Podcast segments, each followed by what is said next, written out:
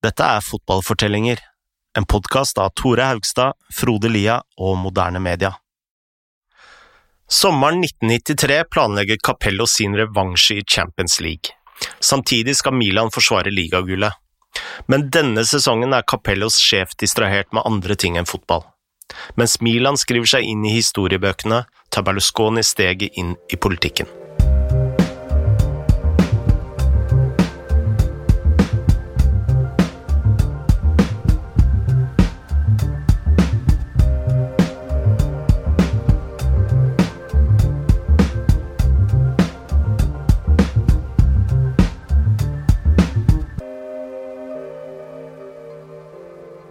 I forrige episode så vi at eh, Milan tapte finalen i Champions League mot eh, Marseille.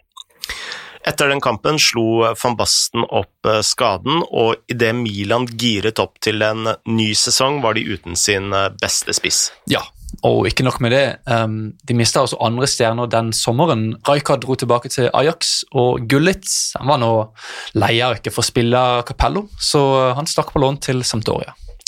Dermed var de uten sin nederlandske trio ved sesongstart. Ja, denne trioen som hadde vært så berømt og gjort så mye for Saki, var, var nå på sidelinja eller borte. Og uh, Milan måtte jo hente nye spillere her. Så de kjøpte Christian Panucci fra Genoa.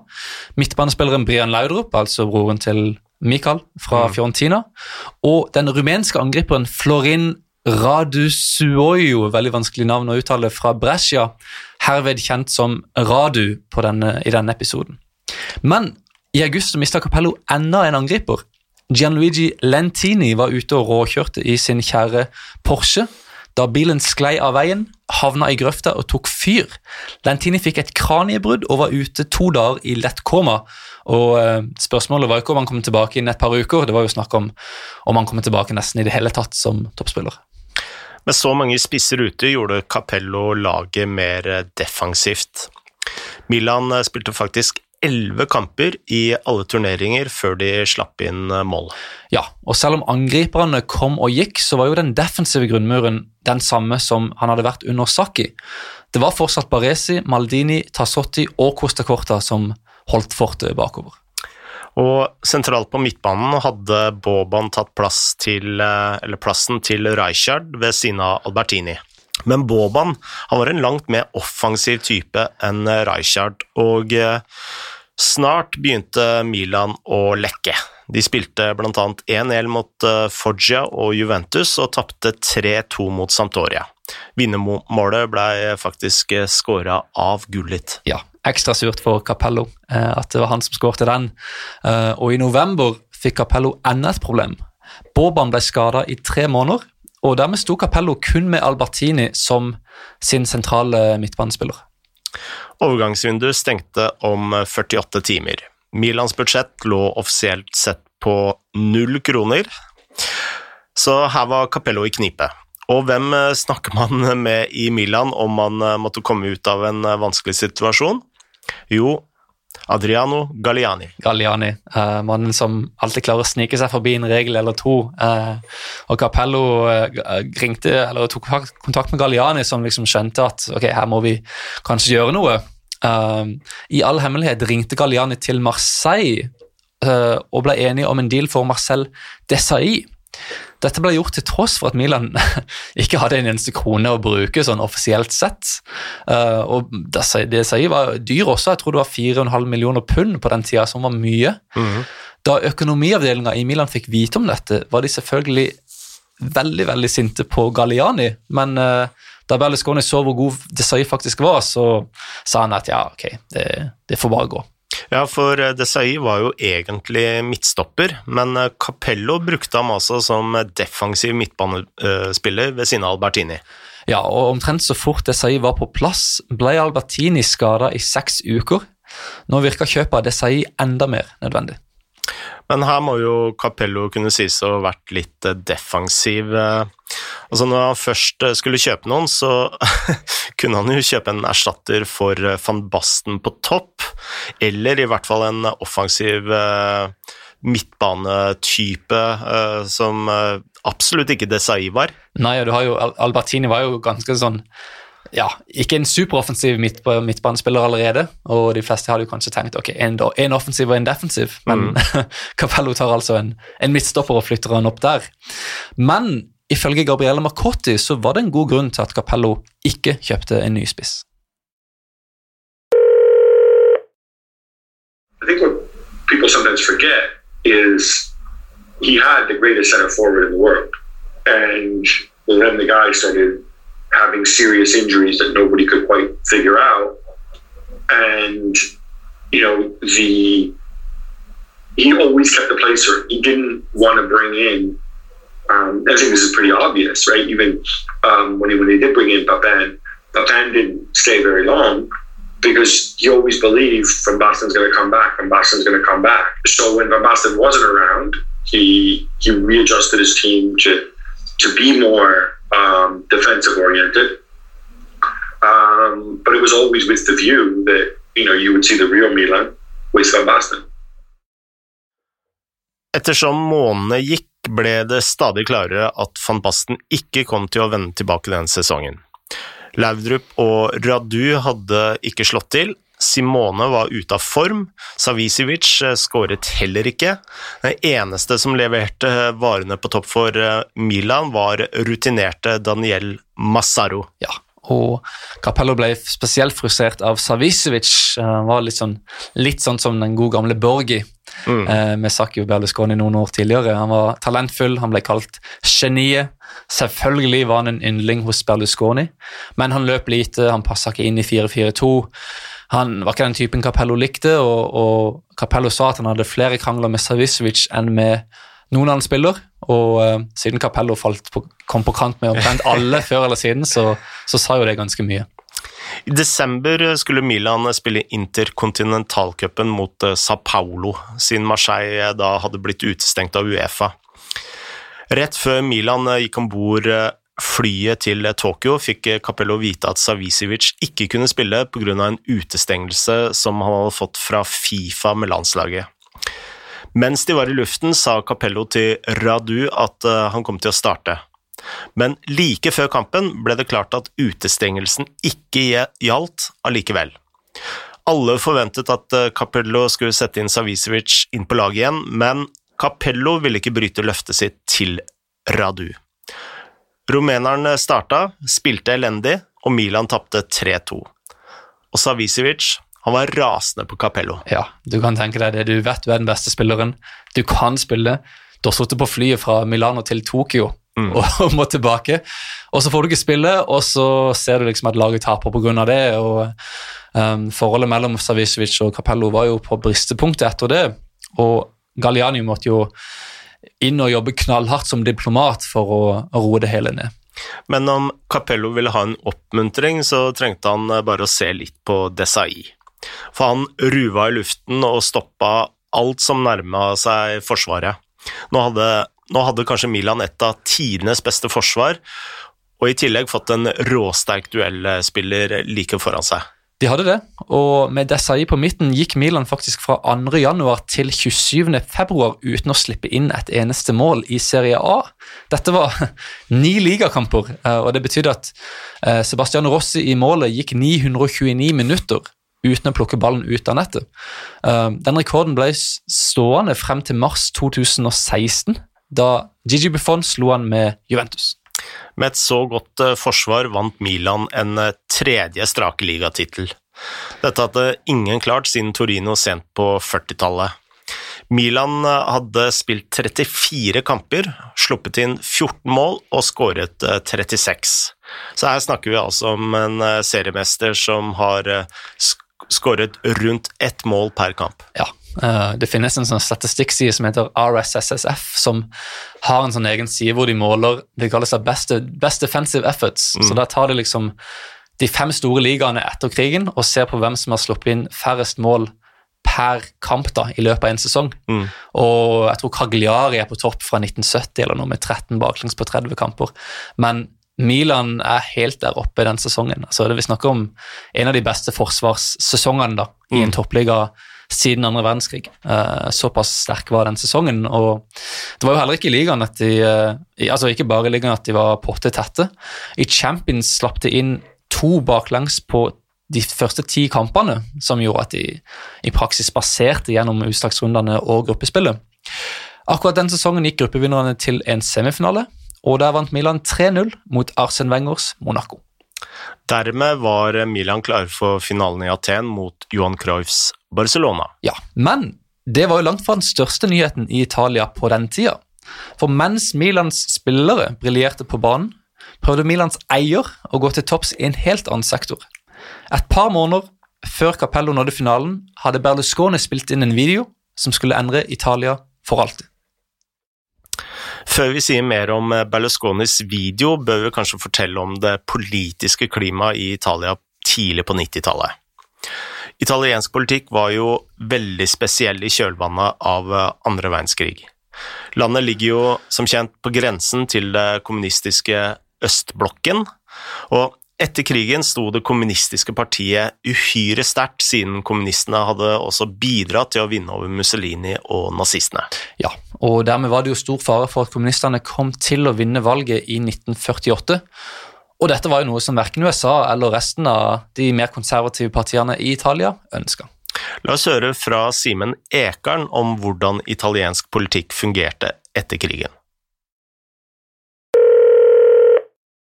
Jeg tror kanskje den, den mest sånn presise beskrivelsen er som, at det har blitt kalt et eh, blokkert demokrati. At det er et veldig sånn, på en måte et veldig sånn sentrumsorientert eh, demokrati. Det er, det er to store fløyer, Kristendemokratene og Sosialistpartiet, eh, bestemte, men, hele tiden innenfor en sånn sentrumsorientert løsning, der man hele tiden kunne liksom inngå kompromisser og, og Gjerne også bryte prinsipper for å, for å, gå videre. Mange av de fremste politikerne i den perioden, sånn som Giulio Andreotti, er jo folk som eh, utenlandske politikere har beskrevet som helt uten ideologi eller, eller, eller politiske prinsipper, annet enn liksom en ren pragmatisme. Hvordan får vi makt, og hvordan holder vi på makt? Sånn det var preget av et veldig sånt spill.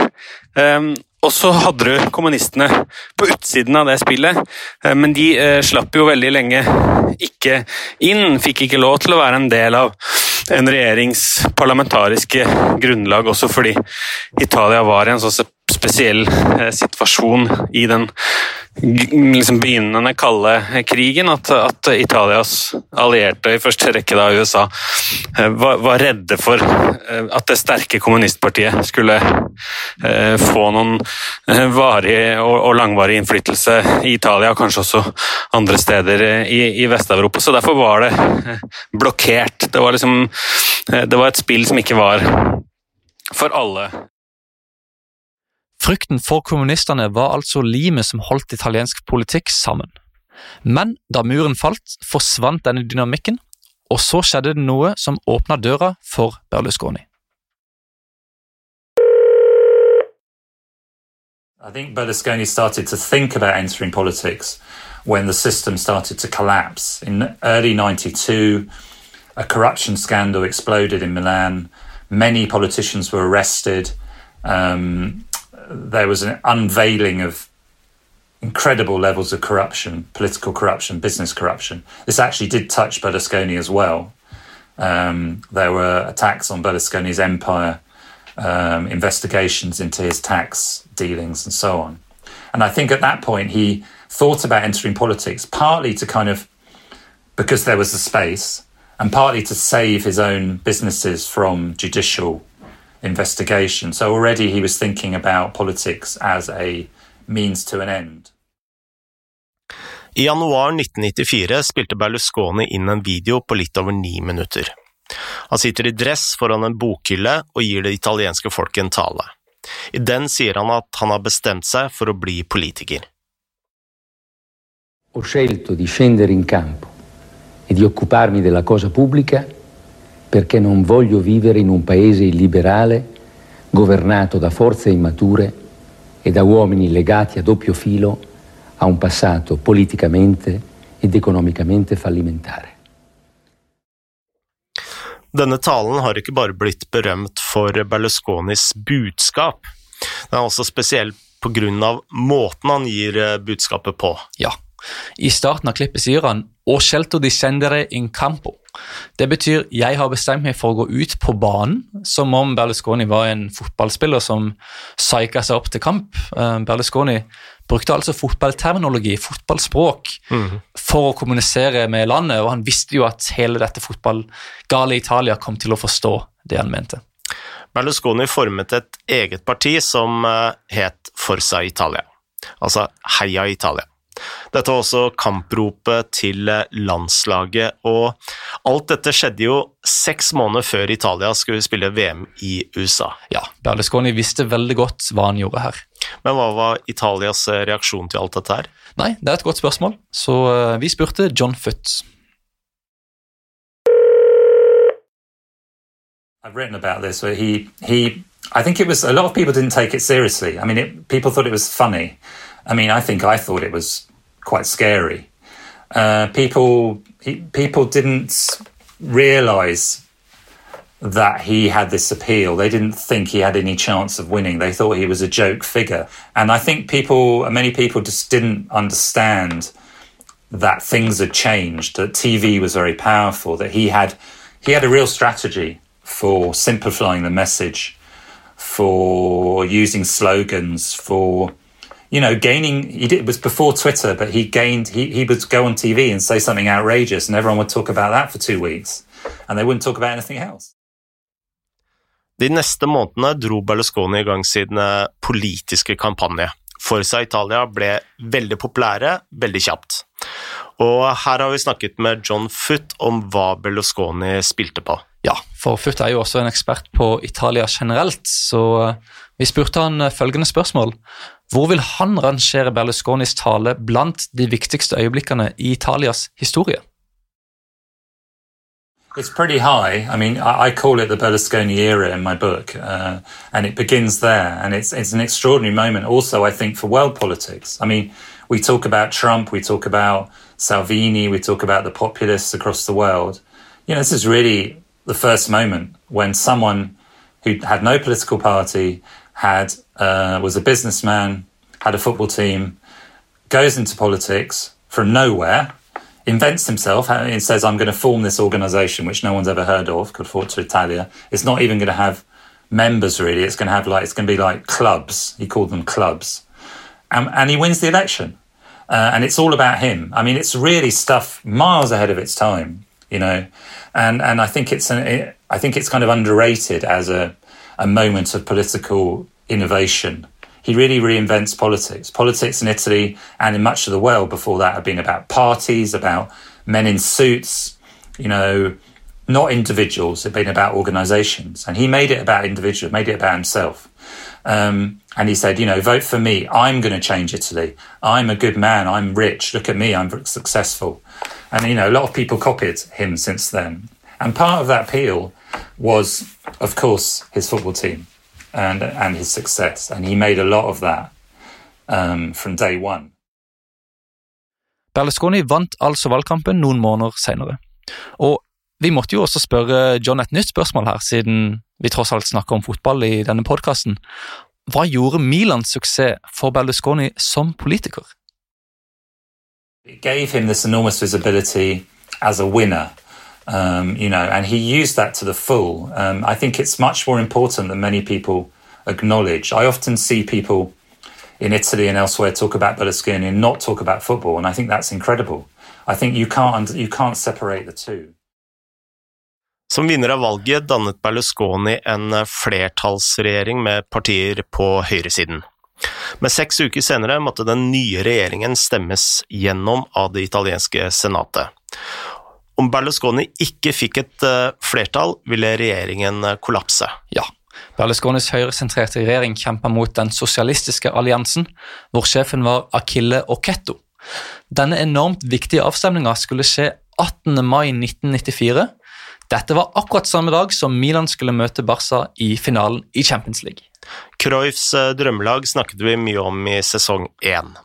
De hadde nettopp vunnet La Liga for fjerde år på rad, de hadde spillere som eh, Pep Guardiola, Ronald Coman, Michael Laudrup og ikke minst eh, min store favoritt, Romario. Og Romario hadde faktisk skåret 30 ligamål den sesongen, som bare var seks færre enn eh, det Milan hadde skåret eh, totalt. Ja, og det sa jo litt om kontrastene mellom de to lagene. Og den katalanske pressen gjorde jo veldig mye ut av dette. Før finalen roste de Cruyff som liksom denne store forkynneren av attraktiv fotball og underholdt, underholdt folket og liksom var bare, liksom, bare ros, mens Capello var denne mørke, fæle mesteren av Catenaccio som ødela fotballen og som ikke kunne ses på, og som var helt fæl. Avisen Mundu Departivo skrev at eh, Milan var på sitt svakeste siden Berlusconi hadde kjøpt eh, klubben.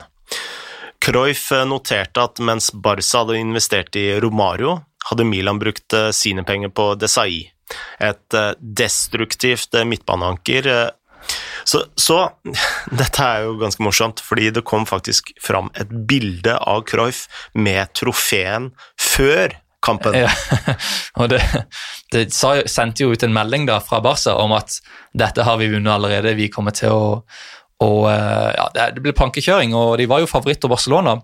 Og dette jo fyrte opp Capello. Dette fyrte han opp noe vanvittig. Eh, han raste mot Cruyff, og inne i garderoben før kampen så brukte han jo den liksom arrogansen og overlegenheten fra Barcelona som motivasjon for alt det var verdt. Capello hadde jo en del problemer som måtte løses før eh, kampen. Baresi og Costa Corta var suspenderte, så han måtte flytte Maldini inn sentralt og fremover manglet han eh, van Basten, men han hadde Savicevic. Og den kvelden, til tross for alle fightene de to hadde hatt den eh, sesongen, ga Capello tillit til eh, skal vi kalle det geniet fra Montenegro? Ja, det må vi nesten, iallfall når vi så på, ser på det som, som fulgte den kvelden. For da finalen var i gang, tok det ikke lang tid før Savicevic markerte seg. Etter 22 minutter kom han på et farlig løp inn i boksen. Savicevic si allunga il pallone, tira, Massaro, gol del Milan, gol del Milan con Massaro! Like før pause la Massaro på til 2-0. To minutter etter hvilen løftet Savicevic en utrolig lobb over Andoni Subisireta i Barca-målet. Og like før en time var spilt, spilte Albertino en ball gjennom til Desai. Albertini, Desai, solo, gol! E sono quattro! E sono quattro! Du kan høre hva kommentatoren sier her. Det er fire, det er fire, og det gjenspeiler jo sjokket eh, og overraskelsen av dette resultatet. Altså, Milan hadde ikke skåret mer enn to mål i en ligakamp den sesongen. De hadde møtt alle disse bunnlagene som liksom sleit i bunnen av Serie A. Og så klarte de altså nå å skåre fire i én kamp mot drømmelaget til Cruyff. På benken i Aten kan man se Cruyff eh, sitte og riste på huet. Milan vant 4-0 eh, og sikret sin eh, tredje Champions League-tittel under Berlusconi. Jonathan Wilson har kalt seieren den største prestasjonen i en CL-finale siden Real Madrid slo Frankfurt 7-3 i 1960. Nå kunne gi Milan slippe jubelen løs, og den kvelden festa Galliani og Capello til klokka seks neste morgen. Da de skulle gå opp til sine hotellrom etter en lang kveld, eh, spurte Capello hvor pokalen var. Galliani rista på hodet og sa at jeg har ikke peiling på hvor den er og han fikk jo panikk. Uh, så i, da hadde jeg også fått panikk. så han styrte ned til hotellbaren, og der var det heller ingen pokal. Han fant en stuepike som sa at hun hadde satt ja, en sånn Hun hadde tatt pokalen og solgt den på bruktmarkedet? hun hadde sett en sånn uh, ja, en, en skinnende gjenstand da, som hun hadde satt i en sånn lost and found-section. da, altså Hvis du har glemt igjen mm. nøklene eller lommeboka. Uh, Galliani fikk tak i han og røska tak i han, klemte han, kyssa han tok han med opp til rommet. Uh, og Der lå kona hans og sov i en av de to sengene som var der. Uh, på en eller annen måte da, så klarte Galliani å legge seg i den andre senga med pokalen under dyna. Mens eh, Milan feiret seieren, kom det frem et annet resultat fra det italienske senatet. Berlusconi hadde tatt en knepen seier mot Occhetto og sosialistene. Dagen etter skrev avisen Corriere la Sera følgende om Berlusconis kveld. 4-0 og 159 mot 153. Både Cruyffs Barcelona og Oqueto ble feid av banen.